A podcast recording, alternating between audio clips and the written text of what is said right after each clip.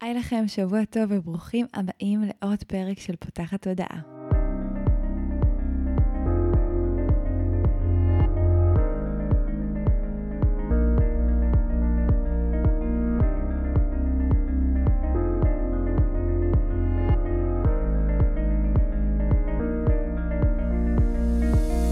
פותחת הודעה היא תוכנית שנועדה להביא רעיונות, לאתגר תפיסות קיימות ולפתוח את צורת החשיבה האוטומטית שנהוגה אצל כולנו לכל מיני כיוונים חדשים, במטרה להכניס יותר כלילות, שלווה, זרימה, אהבה, קרבה וחופש לחיים שלנו, גם במערכת יחסים שלנו עם עצמנו וגם במערכות יחסים נוספות. למי שעדיין לא מכיר אותי, אני ניצן אלפסי, אני המנחה של הפודקאסט הזה, ובין היתר אני מנחת קבוצות, מאמנת תודעתית ומלווה תהליכי עצמה אישית באמצעות כל מיני כלים, מעולמות התת-מודע, האנרגיה והרוח. ובפודקאסט הזה אני גם מראיינת וגם ככה מספרת לכם בעצמי על נושאים שפוגשים אותי, מסקרנים אותי, ואני חושבת שהם בעלי ערך והם חייבים להגיע לאוזניים נוספות וללבבות נוספים. בפרק של היום אירחתי את יערית סרוסי, שהיא מטפלת בשיטת CBT, מתמחה בטיפול בחרדות וערך עצמי נמוך, ודיברנו על חרדה חברתית. כמו תמיד, אם אהבתם את הפרק הזה, אני אזמין אתכם לשתף אותו עם אנשים שאתם אוהבים, עם אנשים שאתם חושבים שיכול לעזור להם, וככה נגיע לעוד המון המון אנשים שצריכים לשמוע את הידע הזה, אז אה, שתהיה לכם האזנה נעימה. היי יערית. היי ניצן. אה, אז הבאתי אותך היום כדי שנדבר על אה, הנושא של חרדה חברתית, שזה...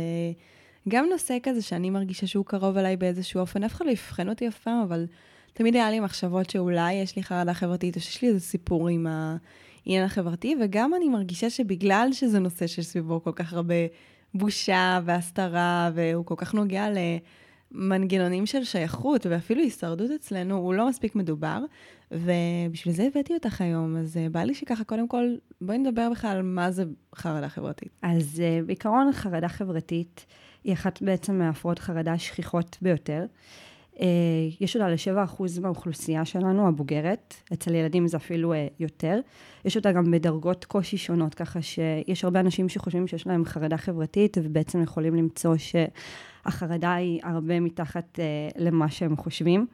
נגיד, אני יכולה להגיד לך גם עליי, שלפני שהתחלתי ללמוד, הייתי בטוחה שיש לי חרדה חברתית, כי להרבה מאיתנו יש קווים מסוימים של, נגיד, פחד מלדבר מול קהל, אה, שזה חלק בעצם מהדברים שיש בחרדה חברתית, אבל זה לא חרדה חברתית. זה לאו דווקא מעיד על חרדה חברתית. אז מה כן, נגיד, יכול להעיד על חרדה חברתית? איך אני יכולה לזהות באופן כללי, ברור שזה לא גס, אנחנו תכף גם נדבר על זה, אני גם לא רוצה שפתאום מישהו יקשיב לפודקאסט ויגיד, אוי, לא, יש לי חרדה חברתית, כשזה לא בהכרח מאובחן, אבל ככה קווים, קווים כלליים. אז קודם כל, יש הנחה רווחת שאנשים שמופנמים או ביישנים זה אנשים שסובלים מחרדה חברתית. בואו נשבור את המיתוס הזה, זה לא. אמ, מה שכן, יש אה, הרבה מאוד סיטואציות חברתיות שאנשים עם חרדה חברתית פשוט לא רק מפחדים מלעשות אותם, אלא גם נמנעים. זאת אומרת, לא מספיק לפחד מכל מיני סיטואציות, כמו שבעצם רוב האוכלוסייה מפחדת מלהיכנס לזה, אלא גם צריך ממש להימנע מזה. זה יכול להיות במצב של, להגיע למצב של הסתגרות בבית, נגיד מ... מלהתחיל ללמוד, מלהיכנס לכל מיני אה, סיטואציות חדשות, וכל מיני בעצם דברים שמצריכים עבודה מול אנשים, אפילו בקבוצות קטנות. אז מה שבעצם את אומרת זה לא רק העצם העובדה שאני מפחדת, כי רוב האנשים הם כנראה מפחדים, סיטואציות חברתיות תמיד מפגישות אותנו עם מקום שהוא מאוד מאוד פגיע בעיניי, זאת אומרת, זה המקום הזה של האם יאהבו אותי או לא יאהבו אותי, האם יקבלו את הדעה שלי, כמה אני אצליח להשמיע אותה, האם יראו אותי בכלל בתוך כלל, אז, אז פחדים נראה לי שבאמת יש לכולנו, אבל זאת אומרת שמה שמאבחן חרדה חברתית זה באמת ההימנעות. ברגע שאני נמנעת כבר זה כן מעיד על זה שמשהו שם מצריך איזושהי תשומת לב יתרה. נכון מאוד. הפחד לצד ההימנעות. ובאמת אה, יש שאלון שבודק את זה, שאני חייבת שנייה לדבר עליו, אה, שאלון של אה, לייבוביץ', שהוא מונה בעצם מספר של משהו כמו 33 סיטואציות, שבהם אנחנו בוחנים גם את מידת הפחד שיש לי מאותה סיטואציה וגם את מידת החרדה. ושם בעצם אפשר לראות את הרמה של חרדה חברתית. זה נגיש לכלל? כל אחד יכול למלא את השאלון הזה? כן, אני גם יכולה... יכול לצרף אותו. לצרף אותו, בדיוק.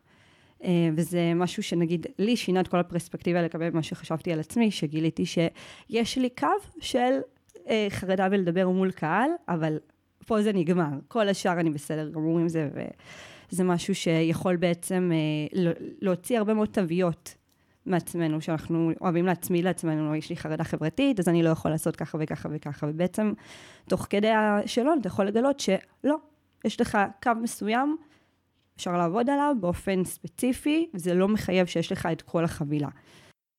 אני ממש שמחה שאת אומרת את זה, כי אחד הדברים שאני מזהה המון פעמים אצל נשים שמגיעות אליי, זה את התווית הזו של חרדה חברתית. ואני בכללי הרבה מאוד מדברת על תוויות ועל כל מיני הגדרות שאנחנו שמנו לעצמנו, וכמה אנחנו בסוף מגבילות את עצמנו. ואני לא זוכרת שהיה לי פוסט כזה ומייל כזה שממש שלחתי, שהכותרת שלו זה אין לך חרדה חברתית.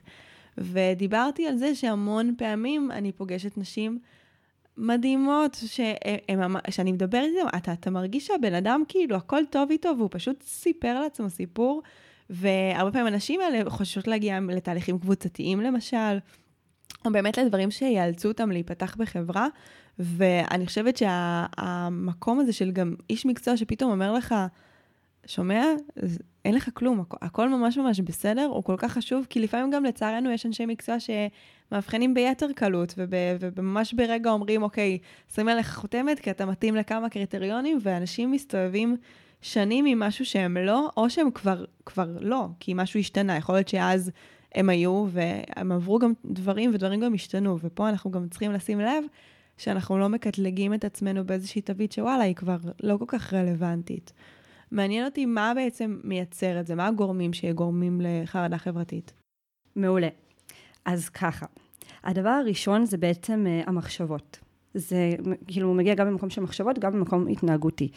המחשבות זה בעצם uh, יכול להתבטא הרבה פעמים במחשבות שהן uh, קטסטרופליות ומחשבות מנבאות עתיד, כמו למשל, uh, לא יאהבו אותי, אני שונה מכולם, אני אביך את עצמי, אני אעשה טעויות, שאת יודעת, יש בזה גם את העניין של החשיבה ישר על הדבר הגרוע ביותר, חשיבה קטסטרופלית, וגם הניבוי עתיד, כי מי אמר שתעשה טעויות? מי אמר שבעצם לא יאהבו אותך, או שתרגיש מובך? אתה צריך לנסות בשביל זה. אה, וזה בעצם מביא אותנו גם לעניין ההתנהגותי. שזה מונע ממני להתחיל דברים חדשים, זה מונע ממני ללכת לסדנאות, ללכת ללימודים, להכיר אנשים, לדבר, ובעצם להראות לעצמי שהכל בסדר. ואז מה שקורה זה שזה יוצר אמונה, כאילו נבואה שמגשימה את עצמה. או יותר נכון, אני קוראת לזה אמונה שמגשימה את עצמה. Mm-hmm. ובנוסף לזה, זה גם משאיר אותי בתוך המעגל הזה של החרדה. החברתית. כי אם אני אסתכל על כאילו איך בנוי המעגל הזה, הוא בנוי בצורה כזאת. הוא מתחיל קודם כל ממחשבה. כמו שאמרנו, מחשבה קטסטרופלית או מחשבה מדברת עתית. אה, של אני אביך את עצמי, אני אעשה טעויות. ואז זה משדר למוח שלי ישר מצב של סכנה. וכשהמוח נכנס למצב, למצב של סכנה בעצם, הוא מפריש שני הורמונים שנקראים אדרנלין וקורטיזול.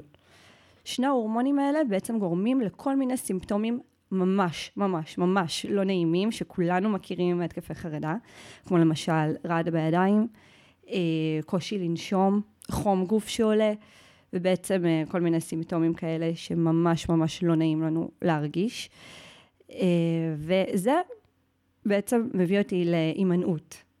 וההימנעות הזאת רק מחריפה את המחשבה. ואז בעצם אני נשארת בתוך המעגל הזה. Mm-hmm. וה... אם אני אשבור אותו, זה רק כשאני אשנה או את המחשבה או את ההתנהגות. ואז אני אוכל לשבור את המעגל הזה ולצאת ממנו. איך אני עושה את זה בעצם? איך אני לוקחת אה, מחשבה שאני רגילה לחשוב, או דפוס מחשבתי שאני רגילה לפעול יחד איתו? איך אני עושה את זה? זה עבודה. זה אימון, זה אימון לכל דבר. זאת אומרת, זה לא משהו שאפשר לעשות איזשהו כפתור קסם ולהגיד, זהו, זה קורה. אלא נדרש פה הרבה יכולת להסתכל על התמונה הכוללת. לא על הרגע הזה, על מה שאני מרגישה עכשיו, אלא גם על הרבה דברים שחוויתי בחיים כהצלחות, כבעצם דברים שהוכחתי לעצמי שאני מסוגלת להתמודד, ומהם לשאוב את ההשראה ואת הכוח ולהבין שאם כבר עשיתי את זה בעבר, אם היה בי את היכולת לעשות את זה בעבר בסיטואציה X, יהיה לי גם את היכולת לעשות את זה בסיטואציות בעתיד, אחרות. ולהבין שמה שחוויתי פעם כתחושה של חוסר אונים וחוסר בעצם אה, אפשרות להתמודד עם הסיטואציה, לאו דווקא מעידה על איך שאני אתנהג בעתיד. כי זה שלא היה לי בעבר את היכולת להתמודד או את הכלים להתמודד, לא אומר שלא יהיה לי את זה עכשיו.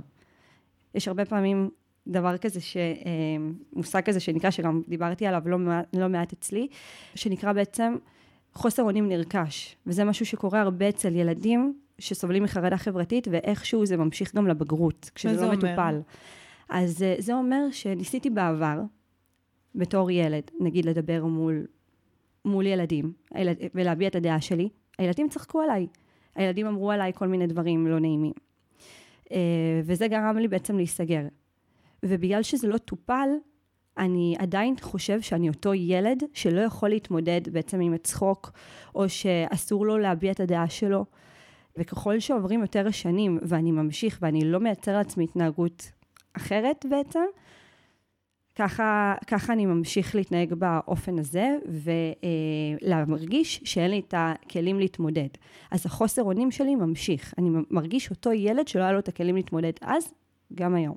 מעניין אותי איך עובדים עם הילד הזה בעולמות שלך. אני אגיד כזה ששתינו מגיעות מעולמות שהם שונים, אבל גם דומים ומשלימים, ונגיד, אני בעבודה שלי עם תת-המודע, בעצם מה שאנחנו נרצה לעשות זה לחזור לסיטואציה שבה אותו ילד חווה את המצב הזה שצוחקים עליו בדמיון מודרך, וממש לתת מענה רגשי ולעשות דבר כזה שנקרא הורות מתקנת, שזה בעצם להיות סוג של ההורה של עצמך, ולתת את הלגיטימציה ולהגיד לאותו ילד או לאותה ילדה, מותר לך להתבטא, זה בסדר, זה שהם צוחקים, זה לא אומר עלייך שאת זה את. כן טובה, כן משמעותית, כן חשובה, כן חשוב שתתני לכל שייך להישמע, או כל דבר כזה או אחר שנרצה להגיד, ובעצם בגלל שהמוח שלנו לא מבדיל בין דמיון לבין מציאות, אותם חלקים במוח עובדים בשניהם, אז בעצם תת המודע חווה את זה מחדש כסוג של סגירת מעגל הסיטואציה וריפוי שלה. ככה אני עובדת, מעניין אותי איך עובדים עם זה ב-CBT. אז הרבה פעמים זה באמת כמו שאת עושה דמיון מודרך, אה, וזה גם, בעצם אנחנו מביטים קדימה, ובו זמנית גם מביטים אחורה. אז אנחנו בודקים מה החוזקות שיש לי כאן ועכשיו, שיכולים לעזור לי עם התמודדויות שאז לא הצלחתי להתמודד, וגם בעצם זיהוי הצלחות שחוויתי בעבר, שאני יכול בעצם, ממש יוצרים לעצמנו מין תיק כזה, שאנחנו נושאים אותו על הגב, ויש בו כלים שיכולים לעזור לנו להתמודד עם העתיד.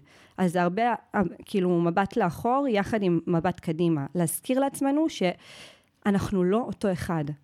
יש לי שאלה שבטח עולה גם לחלק ממי שמאזין לנו, שהרבה פעמים כשיש לי חרדה חברתית ואני חווה את כל הקושי הזה, זה גם מגיע עם ערך עצמי נמוך. וכשיש לי ערך עצמי נמוך, אחד הביטויים שלו זה גם שלפעמים קצת קשה לי למצוא את החוזקות שלי, או לראות את היכולות שלי. כאילו, רציונלית זה מאוד מאוד הגיוני המקום הזה של אוקיי, אני אראה מה טוב בי ואני אתחזק מזה, אבל המון המון פעמים, אני זוכרת את זה גם על עצמי, עוד לפני שעברתי את השינוי שלי, הגעתי לה, לעזור לאנשים במקום הזה, כי הייתי מאוד חסרת ביטחון.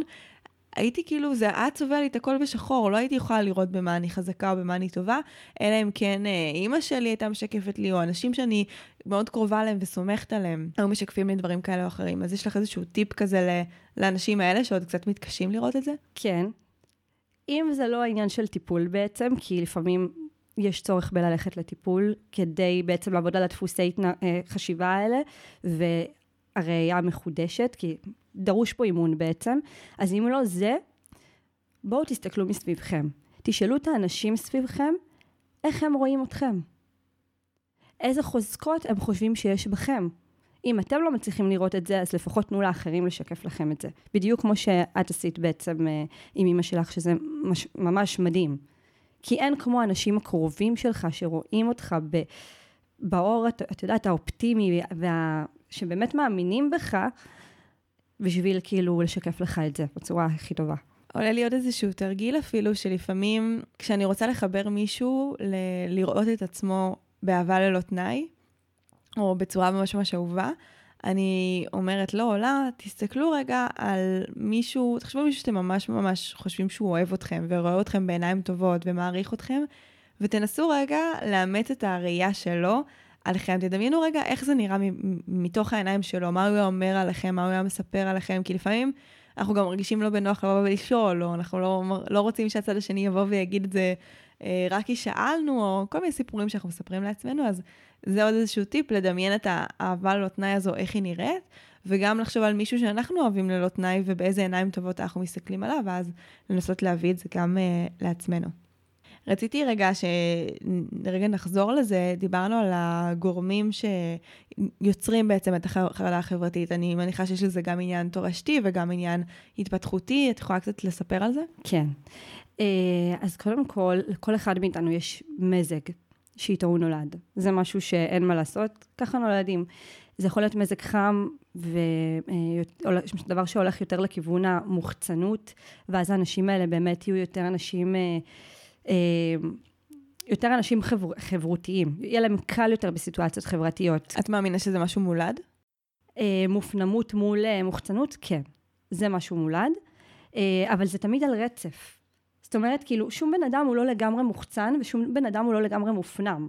זאת אומרת, יש רצף מסוים, ספקטרום, והאנשים, כאילו, כל אחד מאיתנו הוא איפשהו באמצע. זאת אומרת, תמיד יהיה בך גם מזה וגם מזה. זה מעניין, מהגישה שאני מגיעה, כן מסתכלים עלינו, זה, זה, אני אתייחס לזה בשני אופנים. קודם כל, יש את העניין שאתה מגיע, אה, כן, באיזשהו אופן טבולה ראסה, אתה מגיע כן נקי לכאן, אבל כן, אה, כחלק מה... נקרא לזה שיעורים שבאנו ללמוד פה, וההתנסויות והחוויות והדברים שנועדו להצמיח אותנו, יש את ה... נקרא לזה סוג של אופי בסיסי שאתה תקבל, או החוויות חיים שיגרמו לך לייצר אופן, אופי ספציפי. למשל, אחד הדברים שמדברים עליו הרבה בעולם הזה של תת-המודע, וגם לדעתי בהדרכת הורים, למרות שעדיין לא למדתי, אני עוד לא שם, אבל זה על, ה, על התפקידים שהילדים תופסים בתוך המשפחה. זאת אומרת, אם נולד ילד והוא הבין שאת התשומת לב הוא יקבל מההורים שלו על ידי מוחצנות ועל ידי תשומת לב, אז לרוב הילד שאחריו יהיה יותר מופנם, כי הוא מבין שהאסטרטגיה הזו לקבל תשומת לב כבר תפוסה. אנחנו כילדים, אנחנו נמצאים במקום כזה הישרדותי, ואנחנו תלויים בהורים שלנו בשביל ההישרדות שלנו. וההישרדות הזו היא תשומת לב, היא בסוף המים, האוכל, המחסה, ההגנה, החום, האהבה. ואם כבר יש ילד בבית ש... מקבל את התשומת לב שלו על ידי המוחצנות או על ידי המופנמות, אז לרוב הילד שאחריו יביא טון אחר, כי כבר יש מישהו שמשתמש בדרך הזו, אז אני אביא את הדרך אחרת. אז אני מאמינה שזה שילוב כזה בין הדברים שאנחנו גם מגיעים איתם, כי זה כזה מה שבאנו לחוות פה, זה כזה התפיסה הרוחנית יותר שאני מגיעה ממנה, אבל גם מתוך תפקידים שראינו בתוך המשפחה. את מתחברת לזה? לגמרי, מאוד. זה הדבר, זה הגורם הבא שבאתי להגיד, זה בעצם, יש לנו את הגנים, העניין התורשתי, שזה המזג, אה, שזה גם יעיד אם אנחנו נהיה יותר מופנמים, יותר מוחצנים, ביישנים וכאלה, אבל יחד עם זאת, יש גם את העניין של הסביבה שלנו, שזה גם לאו דווקא ההורים שלנו, כמו הדמות ששומרת עלינו, הדמות ההורית בחיים שלנו, כי יש גם כאלה שהיו בעצם אה, גם ילדים שהם מאומצים, שעדיין נכון, להורים יש, בדיוק. אז לדמות הזאת, שבעצם היא זאת ששומרת עליהם, יש תפקיד מאוד מאוד מרכזי בזה. ואני יכולה להגיד שנגיד חרדה חברתית, הרבה פעמים זה אה, קושי של ההורים להכיל את הרגש של הילד. אם ילד הוא יותר דורש הסתגלות לסיטואציה, אה, ויותר דורש, יותר קשה לו, אז אה, שני סוגים של הורים שבעצם יכולים לגרום לאח, אה, אחר כך להתפתחות של חרדה חברתית, זה א', הורה שהוא חרדתי, ואז בגלל זה אומר לילד שלו שהכל בסדר, אני אשמור עליך, אה, אתה לא צריך, אתה, אתה לא צריך להתמודד עם זה, אני פה בשבילך, אבל לא, לא בעניין כאילו של התמיכה, אלא בעניין של בוא, כאילו, תישאר במקום הנוח והבטוח שלך. over מגוננים כאלה? בדיוק, over מגוננים. ויש את ההורים החרדתיים, מהבחינה שיש להם גם חרדה חברתית בעצמם, והם בעצם מלמדים את ההתנהגות הזאת, גם את הילדים. בעצם הילד מסתכל על ההורה, והוא לומד שככה צריך להתנהג. אז אם אני בעצם ילדה להורים שיש להם חרדה חברתית, יש לי דרך לצאת מזה? כמובן, ברור. איך למשל? אה, קודם כל, בתור ילדים, ללמוד מיומנויות חברתיות זה דבר מאוד מאוד חשוב, זה דבר שיכול לשנות בעצם חיים. איפה לומדים דברים כאלה ובאיזה גילאים זה משהו שאפשר לעשות גם בגילאים מאוחרים יותר? כן, יש המון סדנאות, המון סדנאות והמון גם uh, טיפולים במכונים ו- וכל מיני כאלה, פשוט תקלידו uh, סדנאות ליצירת מיומנויות חברתיים, וזה שם. אוקיי, okay, אז למידת מיומנויות חברתיות ומה עוד? Uh, בעצם, uh, אם זה עוד ילדים, אז גם נדרשת הדרכה הורית כדי להבין מה אני עושה לא נכון, וכאילו איך אני יכול לעזור לילד שלי. ואם זה בגיל כבר יותר גדול, אז זה פשוט אה, אה, עבודה הרבה על הדפוסי חשיבה שלי אה, ועל הדפוסי התנהגות שלי. ובעצם אה, התמודדות עם מה שזה, מה, מה שפיזיולוגית זה קוראים לנו לגוף, כי הרי אה, חרדה, חרדה חברתית, כל העניין זה שההתמודדות עם, ה... עם הסיטואציות החברתיות, היא מייצרת לנו פשוט גם קושי גופני, קושי פיזיולוגי. כל התחושות האלה שעולות לנו בזמן חרדה, בעצם כ... כאילו שרירים שדפוסים לנו פתאום בגוף, והקושי לנשום, והחום גוף שעולה, והרעד בידיים, והזיעה, והפחד שאנשים יראו את זה ויחשבו שאנחנו משתגעים, או שמשהו לא בסדר בנו. זה בעצם הדבר ש... שאיתו אנחנו צריכים גם להתמודד לפני שבכלל אנחנו מגיעים לסיטואציות החברתיות, עם זה שזה בסדר להרגיש ככה, ועם היכולת שלי גם לשלוט בזה על ידי כאילו הרפיות ונשימות נכונות. וזה דברים שלומדים, זה מיומנות שלומדים והם לגמרי לגמרי דברים שאפשר לרכוש ולהתגבר באופן משמעותי על החרדה החברתית. תוכלי לתת לנו איזשהו טיפ נגיד לגבי ההרפיות או הנשימות שציינת, איך אפשר uh, לתרגל את זה אם זה משהו שאפשר לעשות כזה בעצמנו? כן. אה, קודם כל אני רוצה להסביר אז מה עומד מאחורי העניין של הנשימות. כשאנחנו בעצם נכנסים למצב של חרדה, הגוף שלנו עוד פעם, כמו שאמרתי מקודם, נכנס למצב, למצב של סכנה, כאילו המוח משדר סכנה. עכשיו, כחלק מזה, השרפת שלנו מתכווצת, וגם הרבה מאוד מהשרירים של הגוף מתכווצים. כשאנחנו מגיעים לאיזשהו מצב של נשימה נכונה, של נשימה מודעת, אנחנו בעצם מגיעים למצב שאנחנו אומרים למוח, כאילו, הסכנה חלפה. אתה יכול לחזור uh, למצב הקודם.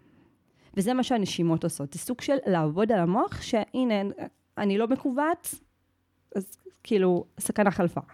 כי בעצם קיבוץ שווה סכנה, הרפאיה שווה בעצם אה, חזרה למצב הקודם, על הבטוח. עכשיו, איך עושים את זה? מתחילים שאיפה דרך, אה, דרך האף, במשך, אה, אני עושה את זה כאילו שלוש, שלוש ושש. אז קודם כל אנחנו שואפים אוויר דרך האף, כדי לתת לחמצן להיכנס לגוף, ואז אנחנו מחזיקים אותו, אנחנו לא משחררים עדיין, מחזיקים כדי לתת לחמצן להסתפק לנו בריאות, ואז מוציאים אוויר דרך הפה. אז זה בעצם שלוש להכניס, שלוש להשאיר, שלוש, אה, שש להוציא? שש להוציא, בדיוק. זה חייב להיות כפול בנשיפה, בגלל ש... כדי ש... לרוקד את כל הריאות שלנו בעצם מהחמצן. עכשיו, אני כבר אומרת לכם, הרבה פעמים קורה מצב של חרדה, שבאמצע החרדה אנחנו מנסים לנשום ולא מצליחים.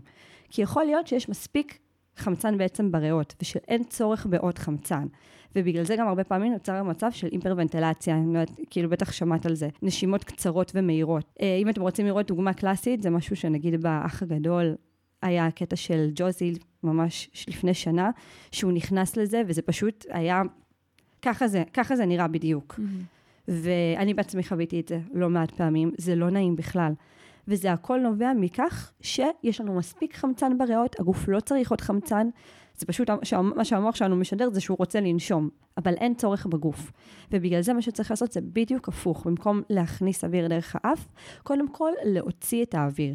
הרציונל שעומד מאחורי זה זה לרוקן את הריאות, ואז בעצם להכניס את האוויר מחדש למלאי בעצם של הריאות שלנו. אז בעצם אנחנו ככה נושמים, מרפים, ואז הגוף נכנס למצב קצת יותר רגוע.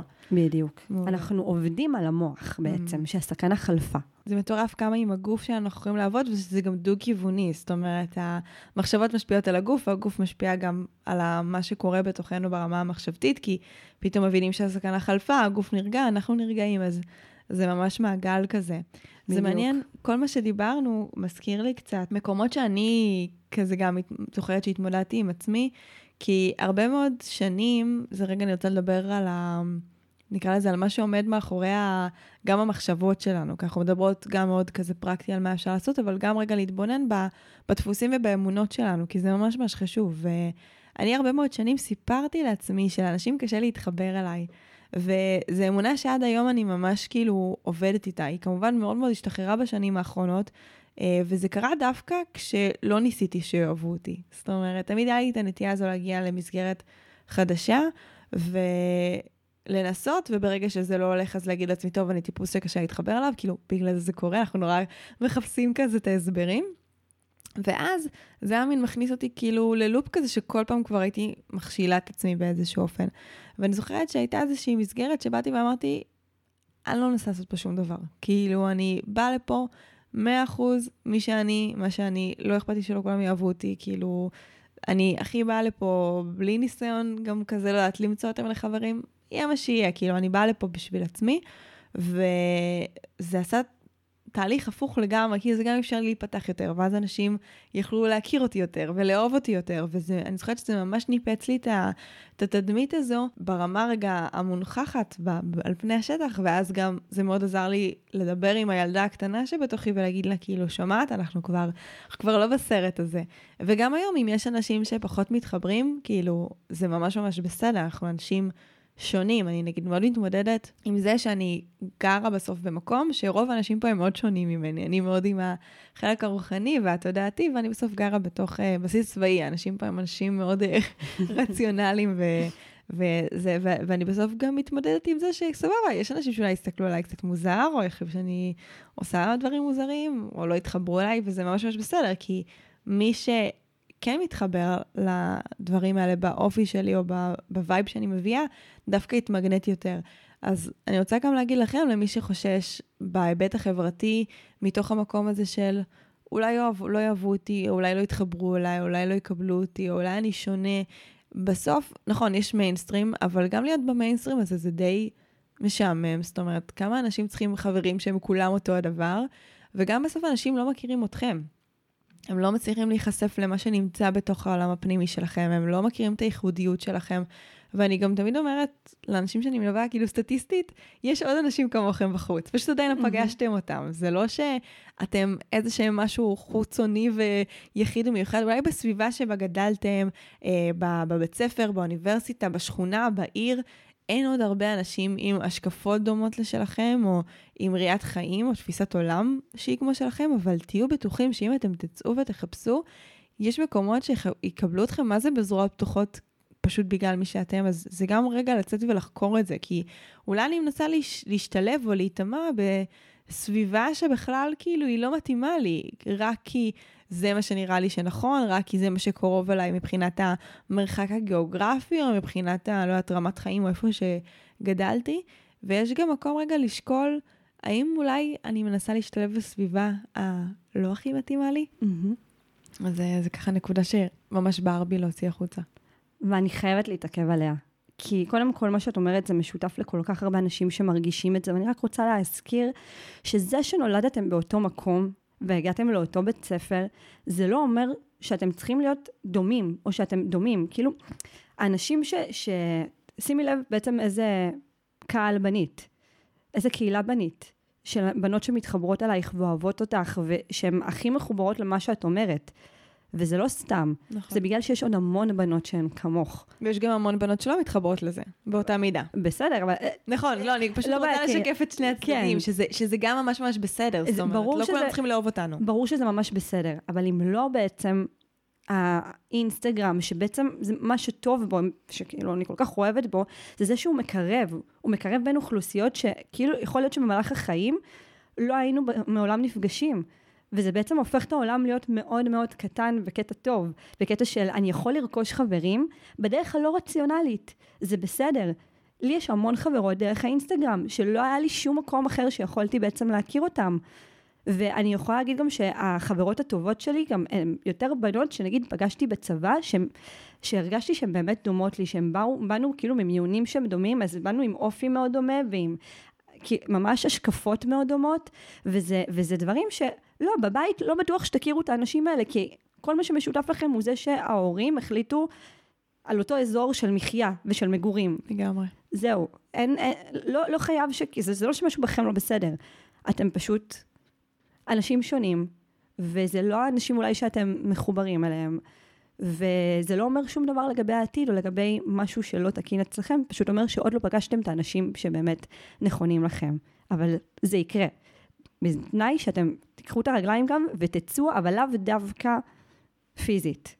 את יודעת, פעם היו אומרים כאילו לקטט את הרגליים ולצאת החוצה, אבל לא, היום זה לא פיזית, זה גם יכול להיות פשוט להעלות דברים באינסטגרם. זה יכול להיות אה, אה, לעקוב אחרי אנשים שאני מרגיש בעצם איזשהו חיבור אליהם, ואז ללכת ולפגוש אותם. ללכת לסדנאות של דברים שאני אוהב ולהכיר שם את האנשים. לגמרי, זה ממש פתיחת הודעה חשובה בהקשר הזה, כי זה באמת מאפשר לעשות דברים נוספים. יש לך עוד איזה שהם טיפים ככה, שאת... uh, יכולה לתת לנו שחשוב לך להעביר למי שרוצה למתוח קצת את הגבולות שלו ו- ולאתגר אולי ואת התפיסה הזו של החרדה החברתית ולהתמודד איתה בצורה יותר טובה? אז כן, להגיד יותר לא, ולהגיד יותר כן. עכשיו אני אסביר מה זה. אנשים עם חרדה חברתית בעצם יש להם נטייה אה, להיות אנשים יותר מרצים. זאת אומרת, אם עכשיו מישהו יבוא ויגיד לי שהוא רוצה שאני אעשה משהו שלא ממש בא לי, אני אגיד לו, בסדר, למה? כי אני רוצה לרצות אותו, כי חשוב לי שהוא להיות בסדר איתו, חשוב לי שהוא יאהב אותי, לא לעשות טעויות, וזה בעצם גורם לי להיות במקום שהוא לא נוח לי. אז חלק מהעניין הזה של חרדה חברתית, של התמודדות עם זה, זה גם לדעת להגיד לא במקומות האלה. ויחד עם זאת, להגיד כן לדברים חדשים. להזדמנויות. להזדמנויות, להיפתח. אז זה להגיד יותר לא, אבל גם להגיד יותר כן במקומות מסוימים. יש לי טיפ קטן שקשור גם לזה שעלה לי, שאחד הדברים שקשה לנו לבוא ולעשות זה לסגל תודעה חדשה, ואחד הדברים שמאוד יכולים לעזור לזה זה לשאול איך האישה או הגבר או האדם שאני רוצה להיות, היה מתנהג בסיטואציה הזו. כאילו, המון פעמים שאני באה ללכת למקום המוכר והנוח והלא מאתגר, אני ממש שואלת את עצמי, איזה איך האישה שהיית רוצה להיות הייתה, מתנהג, הייתה מתנהגת בסיטואציה הזו? הייתה לוקחת את האתגר הזה, mm-hmm. היא הייתה יוצאת למפגש הזה, mm-hmm. היא הייתה שולחת את ההודעה הזו, וזה מאוד מאוד עוזר לי להתקדם. אז זה, זה ככה הנקודה שעלתה. לגמרי, זה מעולה, וזה מזכיר לי, נגיד, משהו שאני גם נותנת הרבה כתרגיל, אה, שנקרא חיקוי. בעצם אנחנו לוקחים כמה דמויות מהחיים שלנו, מהטלוויזיה, אנשים שאנחנו כאילו מעריצים, כאילו כל מיני תכונות אופי שלהם. אה, ואז אנחנו בוחנים מה בדיוק אנחנו מעריצים בהם. תדעו לכם שאם יש איזו תכונת אופי שאתם מאוד מתחברים אליה בבן אדם מסוים, יש אותה גם בכם. אתם פשוט עוד לא הוצאתם אותה החוצה. אז תמיד תדעו שאם אתם רואים במישהו מנהיג, יש בכם איזשהו מנהיג. הוא פשוט עוד לא יצא החוצה, כי לא נתתם לו את האפשרות. מרתק. אה, אז מה שאנחנו עושים בזה, אנחנו בוחנים כל מיני uh, התנהגויות שלו, התמודדויות שלו עם סיטואציות, ואז אנחנו מחכים בכל מיני סיטואציות אפשריות את זה. כאילו בוחנים בזמן אמת, בסיטואציה, כאילו איך הוא היה מתמודד עם זה. שואלים את השאלה הזאת, איך הוא היה מתמודד עם זה, ועושים את זה. נכנסים לאיזשהו סוג של, איזשהו סוג של דמות כזאת, ככה עד שבעצם זה הופך להיות חלק מאיתנו. אתם תראו שגם יש איזו התרגשות מאוד גדולה כשאני מצליחה לעשות משהו ש... אני לא רגילה לעשות, או שהוא מאוד מאתגר אותי, או מוציא אותי מאזור נוחות, ראו ערך הפודקאסט הזה. ובאיזשהו שלב זה הופך להיות ממכר. עם כל הקושי, עם כל האי נוחות שזה גורם, אתם תראו שאתם תתחילו לעשות את הדברים הלא רגילים האלה, ואתם תקבלו פידבק אה, חיובי מה, מהיקום, נקרא לזה לזה. הדברים טובים יקרו, הזדמנויות ייפתחו, אתם תרגישו טוב, תקבלו מימון אנרגטי, ככה כמו שדיברנו באחד הפודקאסטים הקודמים, והדבר הזה מאוד מאוד יעזור לכם לסגל את האומץ בפעם הבאה, כי היה לכם כבר התנסות חיובית ביחס לזה. וזה מזכיר לי בעצם את הטיפ הבא.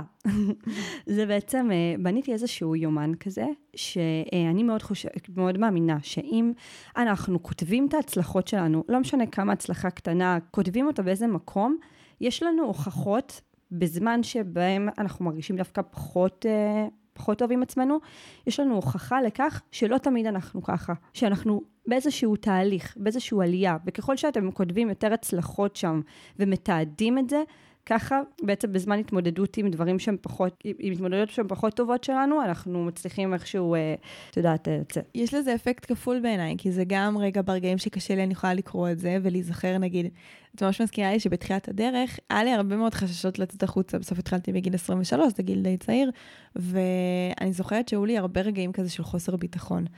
אבל לפני שיצאתי לדרך, עד תקופה שהייתי אסיסטנטית באיזשהו קורס שעברתי, ואז תמכתי שם כמה מחזורים, והיינו עונים להם בקבוצות, ב, ככה בפייסבוק, והוא כותבים לי פידבקים מדהימים על התגובות שעניתי, על התשובות, על שאלות וכאלה. וכל פעם שמישהו כתב לי משהו שהיה משמעותי, אז ממש צילמתי לזה מסך, ובסוף עשיתי לי במחברת כזה שני דפים עם כל התגובות שכתבו לי. וכל פעם שהייתי צריכה, אז זה רגע מיקד אותי על התזכורת הזו, מי אני ולמה אני מסוגלת שאני שוכחת. אז פה זה אפילו שלב עוד יותר מתקדם, שאנחנו כבר רושמים לעצמנו את ההוכחות, ואנחנו הוכחה לעצמנו מכל מיני דברים שקרו, גם שאנחנו עשינו וגם שקרו לנו, וגם שתדעו שבתת המודע שלנו יש יכולת ממש ליצור קשרים נוירונים חדשים, שגם הכתיבת הצלחות האלה, או הכתיבת הוכחות למשהו מסוים מאוד מאוד מסייעות לזה. אם במשך 28 ימים תתמידו בזה, mm-hmm. זה ממש יכול ליצור קשר נוירוני חדש ביחס לאיזושהי אמונה מסוימת לגביכם. נכון.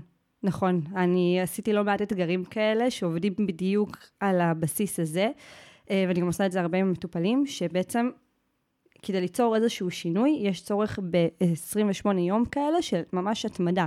נגיד יש את אה, תרגיל העושר, שאתגר האושר, סליחה, שהוא uh, אתגר שבו אנחנו מודים בכל יום על שלוש דברים שקרו לי היום, או שחוויתי היום.